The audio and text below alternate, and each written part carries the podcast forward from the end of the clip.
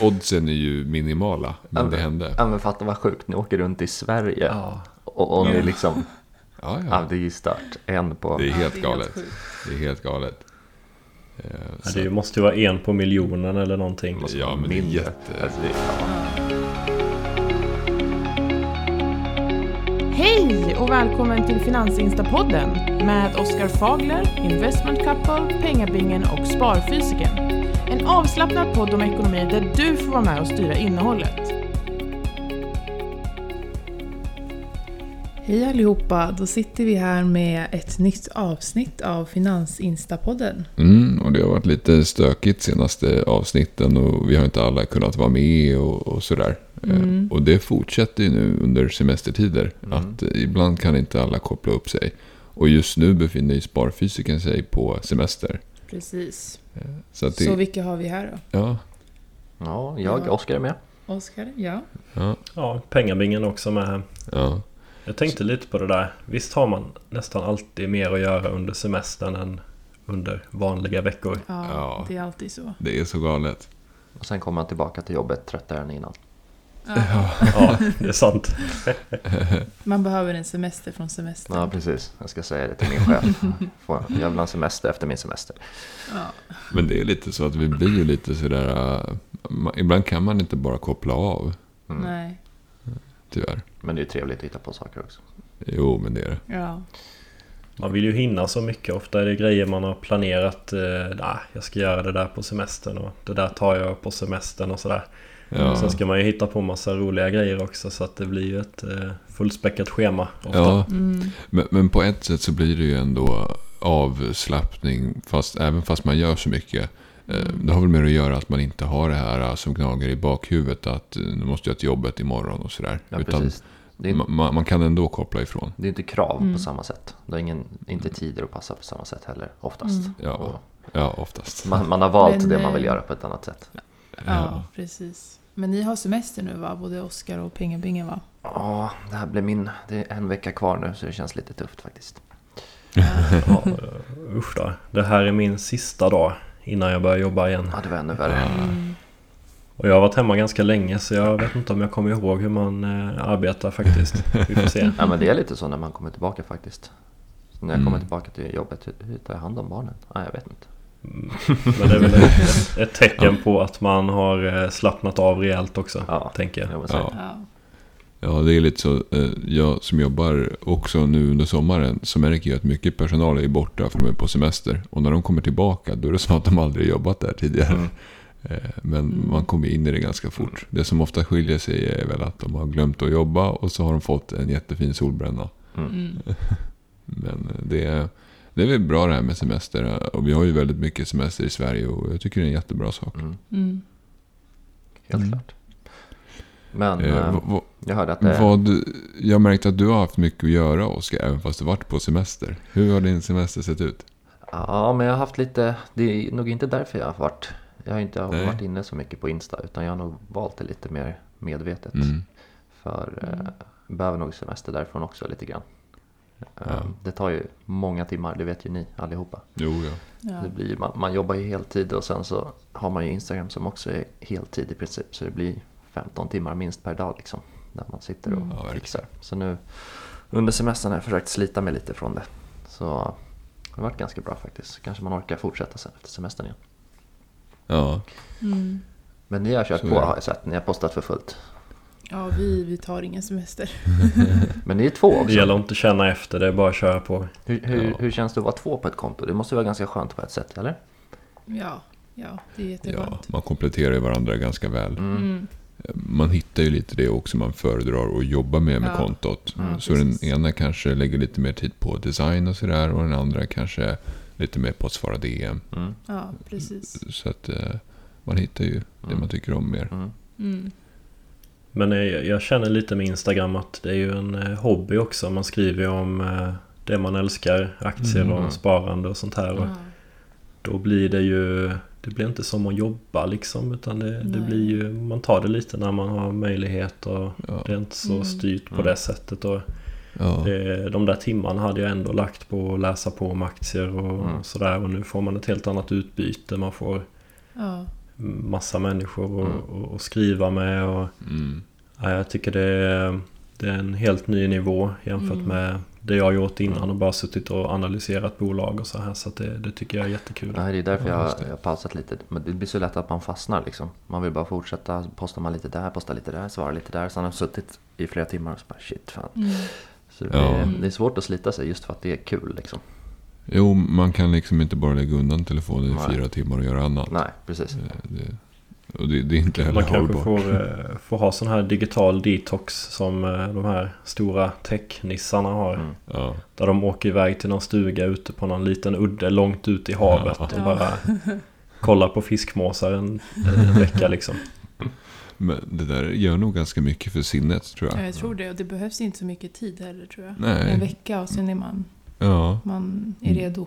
och detoxad. Ja. Ja, visst. Men jag fick ju höra av en liten fågel där att det var någon som eh, träffades här. ja, vi träffade faktiskt pengabingen igår. Mm.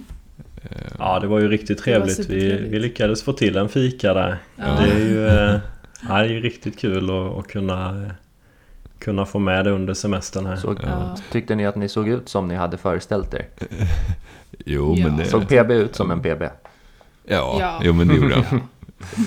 Ja. PB var en PB. Han såg väldigt seriös ut och liksom... Ja, men jag kan aktier. Ja, det är Så så. såg Så han ett ut. proffs. Ja. Såg han arg ut? Det var, det var lite vad jag tänker att Warren Buffett såg ut som för liksom 60 år sedan. Mm. Ja, det var ju en fin komplimang. Ja. Hur såg, eh, så- såg Investment Couple ut som, eh, som du hade föreställt dig, Pengabingen? Nej, men jag, jag tycker det, de såg ut som jag hade tänkt mig. Driv, drivna ungdomar liksom. Ja. Jag känner mig lite orättvist behandlad för jag fick bara träffa herr IC och du fick träffa fru och herr Båda. i IC. Ja. Alla får inte det privilegiet. Nej. Nej, det är sant. Det blir nästa semester. Ja. Nej, men det, jag tror att när vi träffades Oskar så jobbade väl du va? Ja, jag jobbade. Mm, Just det. Ja, just det, så var det. Det är jättesvårt att tajma ihop. Om, jag tänker om vi alla skulle ses någon gång. Mm. Det lär ju vara jättesvårt att tajma ihop någonting. Mm. Mm. Men nej, men det var riktigt kul. Ja, eh, faktiskt. Och vi, vi träffade ju nästan SF också. Ja, just det. Men, men den kan vi ta snart. Eh, Jag tänkte mer på det här med eh, att, eh, det, eh, att, att åka så långt för att träffas. Mm. Det är Mm. någonting vi aldrig har gjort egentligen. Mm. Alltså, nu sitter vi här och, och, och spelar in podd och sådär. Men, och- men vi bor ju på olika ställen i Sverige allihopa. Mm. Eh, Och då sitter vi alla hemma liksom och träffas Mm. inte riktigt utan poddar så här. Eh, Ska vi träffas så blir det långa bilresor.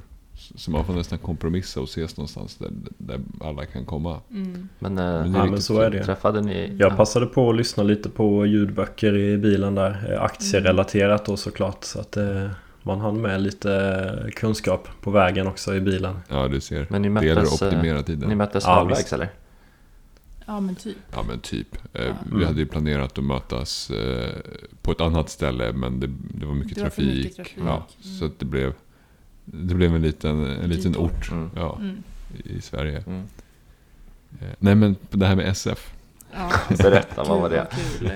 Ja, nej, men eh, vi, eh, vi var ju på väg hem då, Mm. efter att ha träffat PB. Och bara för att förtydliga, SF är då sparfysiken. Ja, Ja, ja. precis. Sparfysiken är... Eh, han är också med i den här podden, det vet ni ju säkert till alla som lyssnat på den. Och eh, han har ju semester nu. Men på semestern så har han ju passat på att göra lite kul grejer. eh, och, då, och då var det som så att vi, eh, när vi körde hemåt, då kanske körde, vi körde ju lite för fort kanske. Men inte så här jättefort. Eh, det var väl mer att eh, eh, han körde så jäkla långsamt. Ja, han var i en, vad heter de där bilarna? Ja, han var ju en sån här klassisk jänkarbil från 60-70-talet. Okej. Mm. Eh, och, och cruisade då. Mm. Eh, och vi visste, vi har aldrig träffat honom. Och vi, vi vet ju liksom inte ens att han åker i en sån bil Vi just trodde att han var i Dalarna. Ja, precis. För det har han sagt till oss. Ja. Och eh, men det här var alltså, då åkte vi och sen så var vi tvungna att tvärnita verkligen. Alltså Eh. tvärnita, vi krockade nästan. Ja, inte, och inte krockade, men vi var tvungna att tvärnita. och då var vi så jäkla sura för att det här var ju en väg där man kör ganska fort. Eh, Ja. Och, och deras bil framförde sig kanske 50-60 i Mm. timmen. Vad var det för hastighet då? 100? Ja, men det var 100 väl typ. 100, 90 Ja. eller 100 tror jag det var. Mm. Och så vi låg ju där någonstans. Eh, så vi var tvungna att tvärnita. Eh, hur som helst eh, så... Och sen när alla kan börja köra om. Precis, för det var så här två ett väg. Mm. Eh, och då när det gick över från ett till två väg. Då körde vi om i så här hög hastighet för att markera att så här långsamt kan man inte köra. Mm. Och så tutade vi åt dem. Och så tutade vi åt dem. Och vi fattade inte riktigt att det var SF. Nej, men, och sen så sa du, ja. Ja. jag hoppas att de förbjuder alla bensinbilar bara på grund av den där bilen. Typ. ja, Helt rätt. eh, typ Busta så här mina Tesla trafikstockning får man inte orsaka liksom. Eh, Men de hade ju många bilar bakom sig. Det var ju liksom, eh, det blir ju som en trafikstockning. Eh, Men eh, ja, och sen så i efterhand så visade det sig att det där var sparfysikern. Nej, men han skickade en bild att han åkte i en sån bil. Ja, och att han var i det området. Ja, och, och då var vi liksom var och lite då sa sådär. jag, jag bara, men då kanske det var han vi tutade åt. Ja, och det verkar visa sig att det var det. eh, oddsen är ju minimala, men Ja, det hände. Ja men fatta vad sjukt, ni åker runt i Sverige. Ja. Och, och ni Ja. liksom, Ja, ja ja. det är ju stört. En på... Det är Ja, helt galet. Det är helt galet. Eh, Ja, det måste ju vara en på miljonen eller någonting. Ja, men det är mindre. jätte- Alltså, det, ja, Ja, Ja, helt ja. galet. Jättesjukt. En bil liksom. ja. Eh, men men jag är ju ganska otålig när det är två ett-vägar. Eh, för att ofta hamnar man i de här ett, ett, enfiliga vägarna där man kanske kör 50-60 när det egentligen kanske är 70 eller 90. Ja, när jag åkte hem från Borlänge så det är ju sån väg. Ganska Ja. en bra bit. Och då var det ju, Ja, då hamnar man ju alltid vid sådana här husvagnar och grejer som ligger i 60 Mm. liksom. När det är 110. Och så bara, åh. jag vet. Eh, Så att, och jag har ju inte så mycket nerver för sånt där. Så att jag var ju så arg när jag skulle köra om. Och jag, jag tror att jag svor till och med. Men eh, ja, så var det med det. Vad var ursäkten då till att han körde i 50? Ja, men det var ju en sån här jänkarbil. Det är väl det Den man kan väl gör. inte köra snabbare? Jo, det kan de kanske. Ja. Men klassikern är väl att man glider i 50. Mm. Men för frän var den ju. Den var ju snygg. Ja, ja. Eh, Men man kan ju bara tänka sig hur mycket utsläpp den orsakar. Köpte inte han en elbil? Jo, han skulle väl köpa en sån här Enyaq eller vad hette det? Skoda. Enyaq. Just det, det gäller att kompensera då. Ja just det, han bränner, bränner som fan med den där och sen så kör han lite elbil Ja, vid sidan av. precis. Ja, Resten av året kör han eh, med lite utsläpp. Ja. Ja, nej, det var vår historia av gårdagen.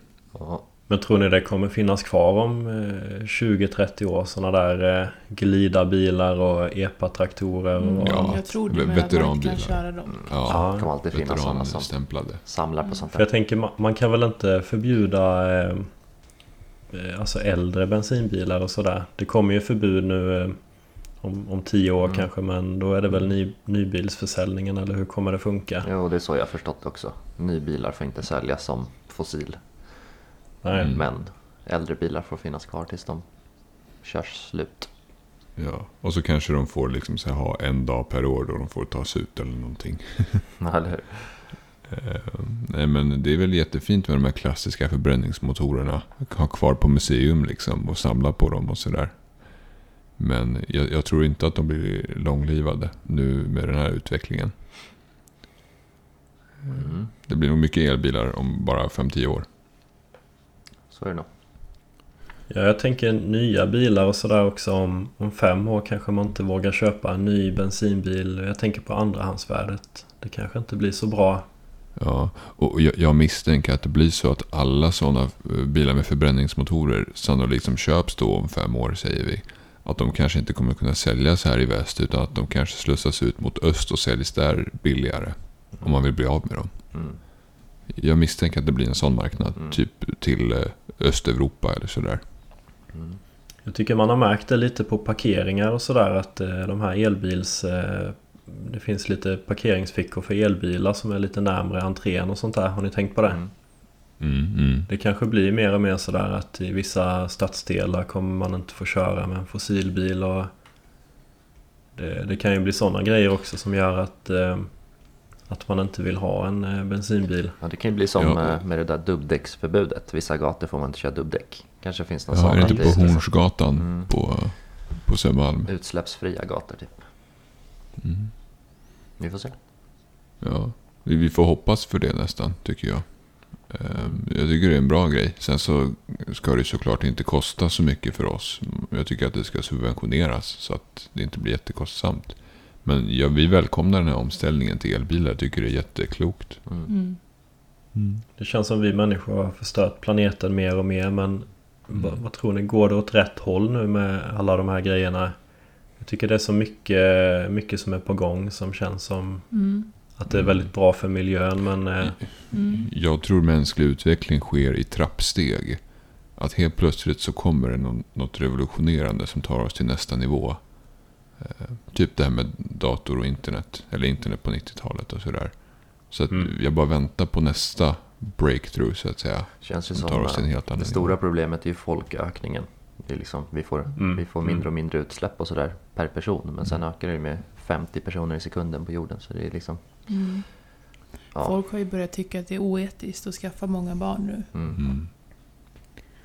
Och i slutändan så blir det nog tekniska lösningar eh, som blir lösningen för oss. Eh, för att alternativet är att gå tillbaks hundra år tillbaka och konsumera lika lite som då. Mm.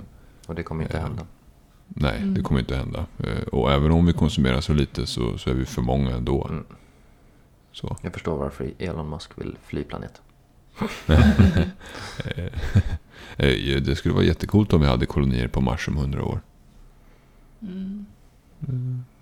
Jag har hört konspiratorer om det här med Jeff Bezos. Han åkte ju till rymden.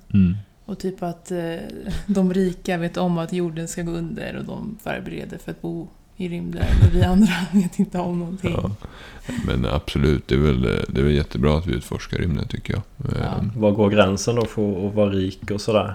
Det är ingen som har hört av sig. Alltså, ska man ha miljarder då kanske? Pengabingen vill flyga.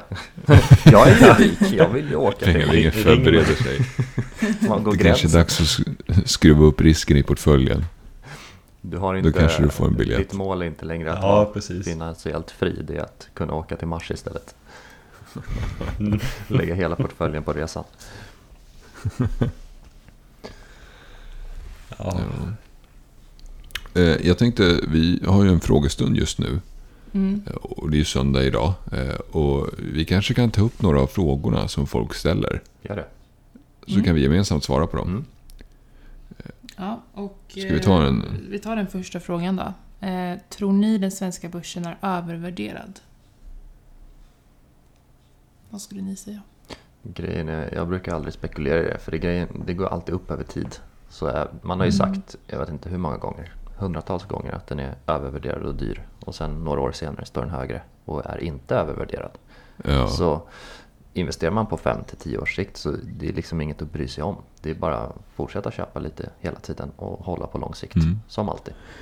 Ja, och, och, och det här med övervärderad. Man, om vi ändå bara ska liksom prata i generella termer så är det ju så att svenska börsen har gått otroligt bra Mm. senaste året. Eh, Och eh, visst, värderingarna är ju jätteansträngda i vissa investmentbolag till exempel.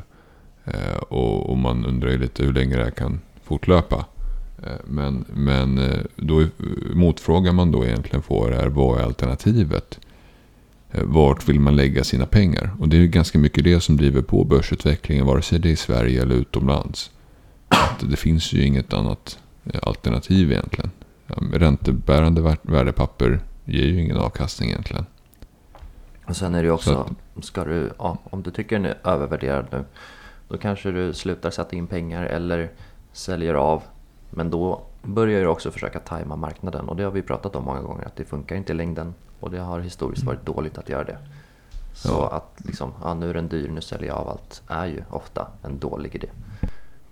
Ja precis, man, man har ju faktiskt försökt det där genom årens lopp och det har ju aldrig slutat bra. Eh, dels måste man ju tajma när man ska hoppa av, sen måste man ju tajma när man ska kliva på igen och Mm. det, det blir många moment som man gör helt i onödan egentligen för Ja. att eh, forskningen säger ju att det är i princip omöjligt att, eh, att tajma det där. Mm. Och eh, jag tycker med man har hört det där senaste tio åren att börsen är högt värderad eh, hela tiden men Jag förstår varför det, man det har försöker ju tajma. fortsatt gå bra. Jag förstår varför, det har man ju själv också försökt göra förut. Eh, Det känns relativt lätt. Så, här, ja, men nu har den gått upp mycket, då säljer jag lite för den kommer gå ner. Men det funkar inte, det gör inte det. Och eh, många är väl vana vid de här ekonomicyklerna. där det är åtta eller tio år som går och så kommer det en krasch. Mm. Och så har man sett att oj, nu har det gått 12-13 år och det kommer ingen krasch. När kommer den? Mm. Och det skulle mycket väl kunna vara så att den här kraschen vi hade förra året var den kraschen vi fick. Mm. Det är ingen som vet det. Och, och vi kommer inte veta det heller förrän i efterhand om det kommer en. Eh, Så att eh, ja, vår inställning är väl bara att fortsätta fylla på som det heter. Mm. Ja, Eh, det är nog bara att hänga kvar i, i Mm. både upp och nedgång tror jag. Eh, en grej man ska tänka på också är om man försöker köpa och sälja för mycket. Då blir det ju att man betalar ju mycket transaktionsavgifter längs vägen. Mm. Courtage för både köp och sälj. Mm. Och det, det, man ska inte underskatta vad det faktiskt gör i längden. De där hundra lapparna man eh, kastar iväg. Sen får man ju också lite psykologiskt där, det blir, det blir en slags stress. När man, om man säljer av och står utanför marknaden, då går man ju och stressar sig över det. Så här, när, när ska jag in igen? Sålde jag på rätt? Då går man och grubblar på det där. Istället för att bara ligga kvar och, och fylla på som vanligt och vara lugn. Mm. Mm. Så jag tror, säljer man av och så här, då, då är det nog ännu större chans att man gör andra misstag av stress och panik liksom. För att man, så här, "Ah, nej nu, nu kanske jag måste in igen, nu har den gått upp. Eller ja, så Mm. blir man, ja, det blir liksom inget bra. Och förväntningarna har ju varit ganska höga på eh, bolagen nu. De har ju lätta jämförelsetal som man pratar om eh, i och med att eh, ja, världen nästan var stängd förra året vid den här tidpunkten. Eh, och, och nu är det mer, mer positivt och sådär och det kommer in mer ordrar och så vidare. Mm. Men eh, trots de här höga förväntningarna så tycker jag det är många av de här stora bolagen som har slagit eh, förväntningarna både i USA men även de här stora svenska som Atlas Copco och så vidare har ju haft Mm. bra rapporter. Mm. Ja, Mm. absolut. Ska vi gå Så. vidare till en till eh, fråga? Eh, och det här... Eh, det här hänger ju lite ihop. Förlåt, vad är frågan här? Nu står det investmentbolagens... Jag vet inte vad som har skrivit. Okej. Eh, men då tar vi den här då. Eh, mina fonder går bra. Jag är sugen på att investera i fastigheter. Är det en dålig idé? Och är det någon som är bra på fastigheter? Ja, jag kan inget om fastigheter men jag har hört att de flesta som har blivit rika har väl blivit det på just fastigheter. Eh, mycket på grund av den hävstången man får i och med att man kan satsa en del pengar själv men eh, belåna större delen. Men är inte det där mer i USA också där man kan ta väldigt stora lån Ja. utan säkerhet och grejer? I Sverige Och, och är det där krediter funkar Mm, precis. helt annorlunda. För där kan man ju ha liksom, även fast du inte har jättestor inkomst kan du nästan ha 10 miljoner dollar i lån. Här är det ju liksom, hur många fastigheter kan du låna upp här? En, kanske två? Ja, och så är det massa regler kring vad du får göra. Mm. Vi har Mm. jättekonstiga liksom, eh, upplåtelseformer i form av bostadsrättsföreningar och, liksom regler och sådär. Mm. För tanken när man ska tjäna pengar på fastigheter är väl att du köper någonting, du hyr ut det, du har en, en, en liksom passiv inkomstkälla Mm. samtidigt som du förhoppningsvis har värdeökning Mm. och så utnyttjar du hävstången maximalt. Precis. Att du inte går in med eget kapital. Det är väl liksom det som är grundstenen eller grundbulten. Och sen så kan det finnas lite andra grejer. Typ att du renoverar fastigheten och gör en fin deal och sådär. Men, men jag upplever att det är mycket svårare med det i Sverige. Eh, Mm. Även om det såklart är, ju- det, går, det finns hur många som helst. Det finns tusentals Mm. som har lyckats. Ja. Det känns det också som att man behöver ett lite bättre startkapital, eller? Ja, det känns som att man behöver flera miljoner eh, innan innan Mm. man sätter igång på riktigt. Eh, Man, kanske behöver vara händig, eh, ha, Mm. ha tid och, och liksom får- inse att det inte bara är en passiv inkomst utan Exakt, också aktiv. Man får vara beredd på att jobba mer med det. Ja, Och sen kan man ju, det blir... Ja, det känns som det är mycket jobb eh, Mm. som man inte tänker på. ja, om- man köper Ja. en liten stuga till exempel, man kanske inte behöver jättemycket pengar då, om man hyr ut en liten stuga någonstans via Airbnb eller någonting. Men då är det ju Mm. också att det är ju jobb kring det som ni säger. Så att det är ju inte att man Mm. bara köper den och så hyrs den ut under alla år, utan du måste ju och, dit, och sen måste man... Mm, ta hand om den. Och så måste man kunna liksom bestämma sig. eh, Är, jag bekväm med risk i form av lån? Mm. Därför att om vi tar bara en snabb jämförelse. Om du har köpt någonting för en miljon kronor och cashat det och så hyr du ut det. eh, Oftast för några tusen lappar i månaden. Då är det en grej. Men i många fall så kan du ta, köpa den där för en miljon på lån istället. Och då behöver du bara 150 000 i insats och resten är lån. Mm. Eh, lån. Så att, eh, och då kan du bara med en liten insats på 150 000 tjäna flera tusen i månaden. Det blir jättebra avkastning. Men du har tagit den här risken med liksom lån och hävstång och så. så att, Mm. eh, det är svårt att jämföra med börsen vill jag hävda. Det är inte riktigt samma upplägg. Typ. Men sen frågan var, mina fonder går bra. Är du sugen på att investera i fastigheter? Tänk om då investera i fastigheter som i aktier istället för fonder. Eller Ja, det- Faktiskt det är också en bra fastighet. fråga. För fastighetsaktier finns det ju hur många som helst av. mm, Mm. Eh, Och, och det finns ju jättemånga spännande sådana. Eh, Men jag antar att frågan var just det här Ja, det eh, investeringar det. på börsen Exakt. kontra fastigheter. Mm.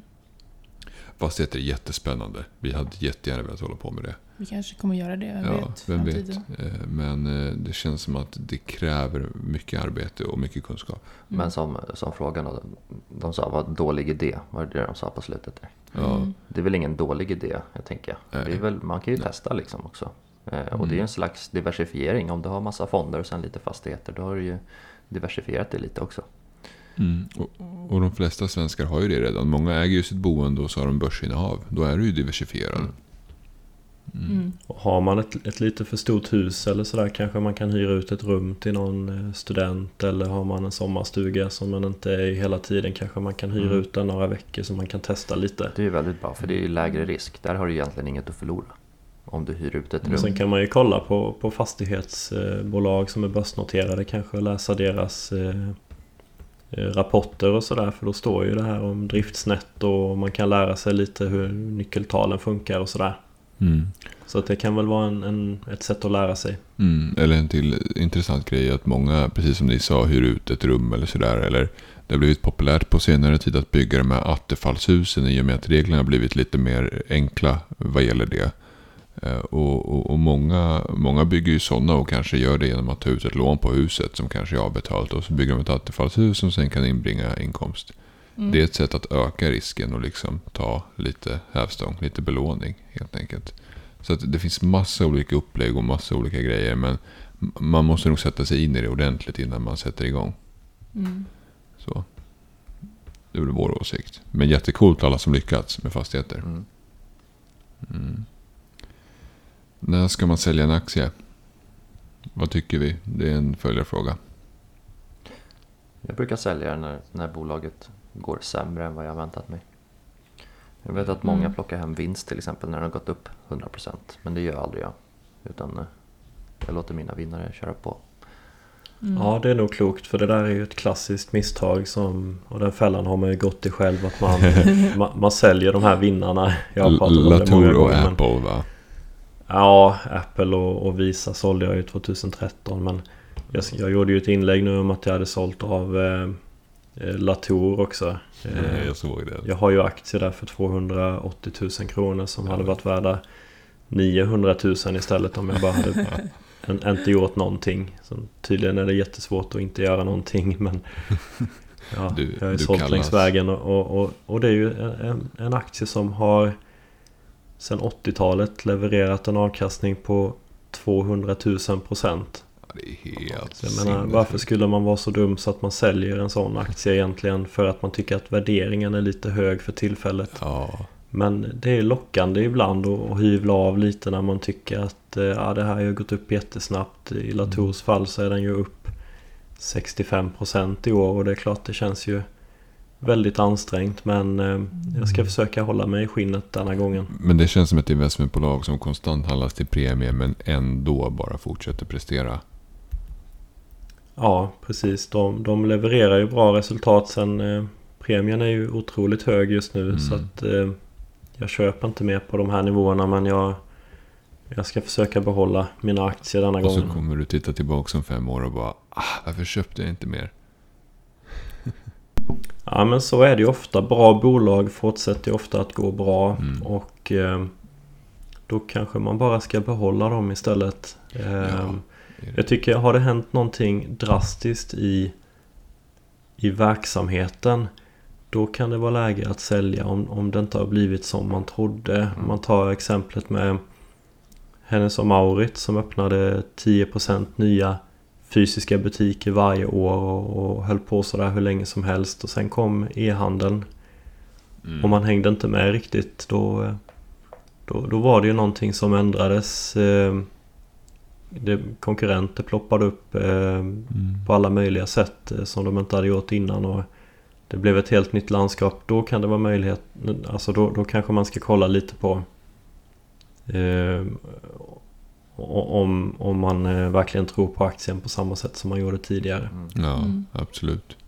Mm. Hade vi någon mer fråga att ta upp? Jag brukar ofta få en fråga faktiskt. Och det är hur Mm. det är att driva ett så stort Instagramkonto. Hur man hinner med allt. Ja, just det. Mm. Nej men eh, man lägger ner mycket tid, det gör man ju. Och man jobbar ju egentligen varje dag. Ja, till exempel idag är det ju en söndag. eh, Mm. Och eh, vi jobbar ju annars eh, vardagar och så. Men, men på söndagar så har vi egentligen tid över. Och då brukar vi dra igång en frågestund till exempel. Mm. Och bara det i sig gör att man får hundratals meddelanden. Mm. Så man försöker svara så gott det går. Så att man sitter ju vid telefonen och gör det. Mm. Mm. Och så ska man hinna planera inlägg för veckan och sådär. Mm. Eh, Det, det blir en hel del jobb verkligen som kanske inte riktigt syns. Eh, Men bakom kulisserna händer det ju saker hela tiden. Mm. Mm. Mycket DMs. Ja, det är det ju. Det är, Men- och det är jättetrevligt. Det är jättetrevligt med DM. Men hur många, Men det tar ju tid. hur många timmar lägger ni på en vecka tror ni? Är det 40 timmar? Ja, det blir det nog. Eh, om vi slår ut det på varandra. Jag kanske lägger 25 och du 15 Mm. Mm. totalt. Mm. Eh, och sen så har vi våra på sommaren nu. Jag jobbar ju heltid då. Mm. Mm. Och så plus det här då med Instagram och så. Mm. Eh, det, det blir en del. Mm. Mm. Men vi får ut mycket av det också. Det är lite självuppfyllande därför att vi... eh, Det är kul liksom att prata med folk. Mm. Mm. Det är något vi brinner för också. Mm. Som, Det eh, känns ju inte som att man jobbar på samma nej, sätt. precis, som Mm. Pengabingen sa där, lite som en hobby. Att det är kul. Mm. Ja, ett, ett bra sätt att följa börsen också. eh, Ja, Man, man, eh, man springer på nyheter och sånt där som man kanske inte hade gjort annars. Mm. mm. Och det är kul hur man har kunnat lära känna nya människor ändå. Alltså vi träffade ju Pengabingen igår. ja. Mm. Alltså det är ändå sjukt kul. Mm. ja. Och så träffade jag dig i maj. Mm. Eh, Ja. Ekonomigurun träffade jag ju också. Eh, och, och så, jag tänker att vi borde ju alla träffas någon gång också. Det tycker jag. Mm. Det är Ja, men det är ett jättetrevligt eh, community verkligen där folk eh, hjälps åt och delar kunskap med varandra. Så att eh, jag tycker det är väldigt trevligt. Mm. Mm. Enda nackdelen är att det är svårt att slita sig helt enkelt. Ja, Lägga ifrån sig telefonen några timmar är ganska svårt faktiskt. Mm. det är ju det. Det är faktiskt det. Och sen så är det ju också mycket så här att man, man ska ju hinna bolla med andra Mm. och liksom planera saker och förhålla sig till olika saker och Mm. sådär. Mm. Eh, Det blir mycket, så, så, så här, schemat blir väldigt tidspressat. Mm. Så. Mm. Eh, Det är inte så att man bara kan styra allting när man har tid. Utan du måste vara ajour hela tiden. Mm. Eh, Så. Mm. Ja, nej, men det blev ju ett litet avsnitt här ändå. Mm. Lite blandat smått och Mm. gott. Ja. Eh, Nu är ju tanken att vi ska ju fortsätta eh, precis som vi har gjort nu. Och vi har ju nästan 20 avsnitt. Jag tror det här är 19 avsnittet. Mm. Eh, Och vi släpper ju avsnitt varje tisdag. Det har vi gjort sedan vi började. Och vi, vi ska ju fortsätta nu i höst och dra igång för fullt. Mm. Det blir jättekul och då förhoppningsvis hinner vi alla fyra vara med på de flesta avsnitten. Ja, precis. Alla fem är vi ju. Mm. Efter semestern där blir det nog lättare igen. Ja. Ja. Eh, Och eh, det ska bli riktigt kul. Och se gärna till att följa podden. Jag tror att det går att göra det på Spotify. Du trycker liksom följknappen. Mm. Mm. Sen så finns vi på Podcaster också. Apple Podcaster. Och där går det också att följa. Eh, Och så får du ju väl någon form av uppdatering i appen när ett nytt avsnitt kommer ut. Mm. Mm. Så, eh, och eh, kommer ut tisdag förmiddagar. Eh, Vi brukar variera teman och ganska ofta har vi tittarfrågor. Så har du några frågor så kan du alltid ställa dem. Mm. Tittarfrågor. Ja, just det. Följa frågor. Följarfrågor. Ja, lyssnarfrågor. Avslöja inte nu Eh. vårt tv-program här vi ska starta på. Ja, just det. Det kommer ett tv-program. Ja. Eh, nej, men eh, precis. Så ställ dem i DM eller i kommentarsfälten eller var som helst. Mm. Eh, det uppskattar vi. Mm. Ja, trevligt att uh, köra ännu en podd. Ja. Ja. Är du taggad på att börja jobba igen nu imorgon? Pengabingen? Eh, ja men faktiskt man har varit hemma eh, länge nu så att eh, ja, men det ska bli trevligt att träffa kollegorna igen och sådär. Mm. Ja, kul. Det känns bra. Mm. Kul. Men då säger vi tack för idag då. Det Ja. gör vi. Så hörs vi mer nästa vecka. Yes. Ja. Det gör vi. Ha det Ha det gött. bra. Hej.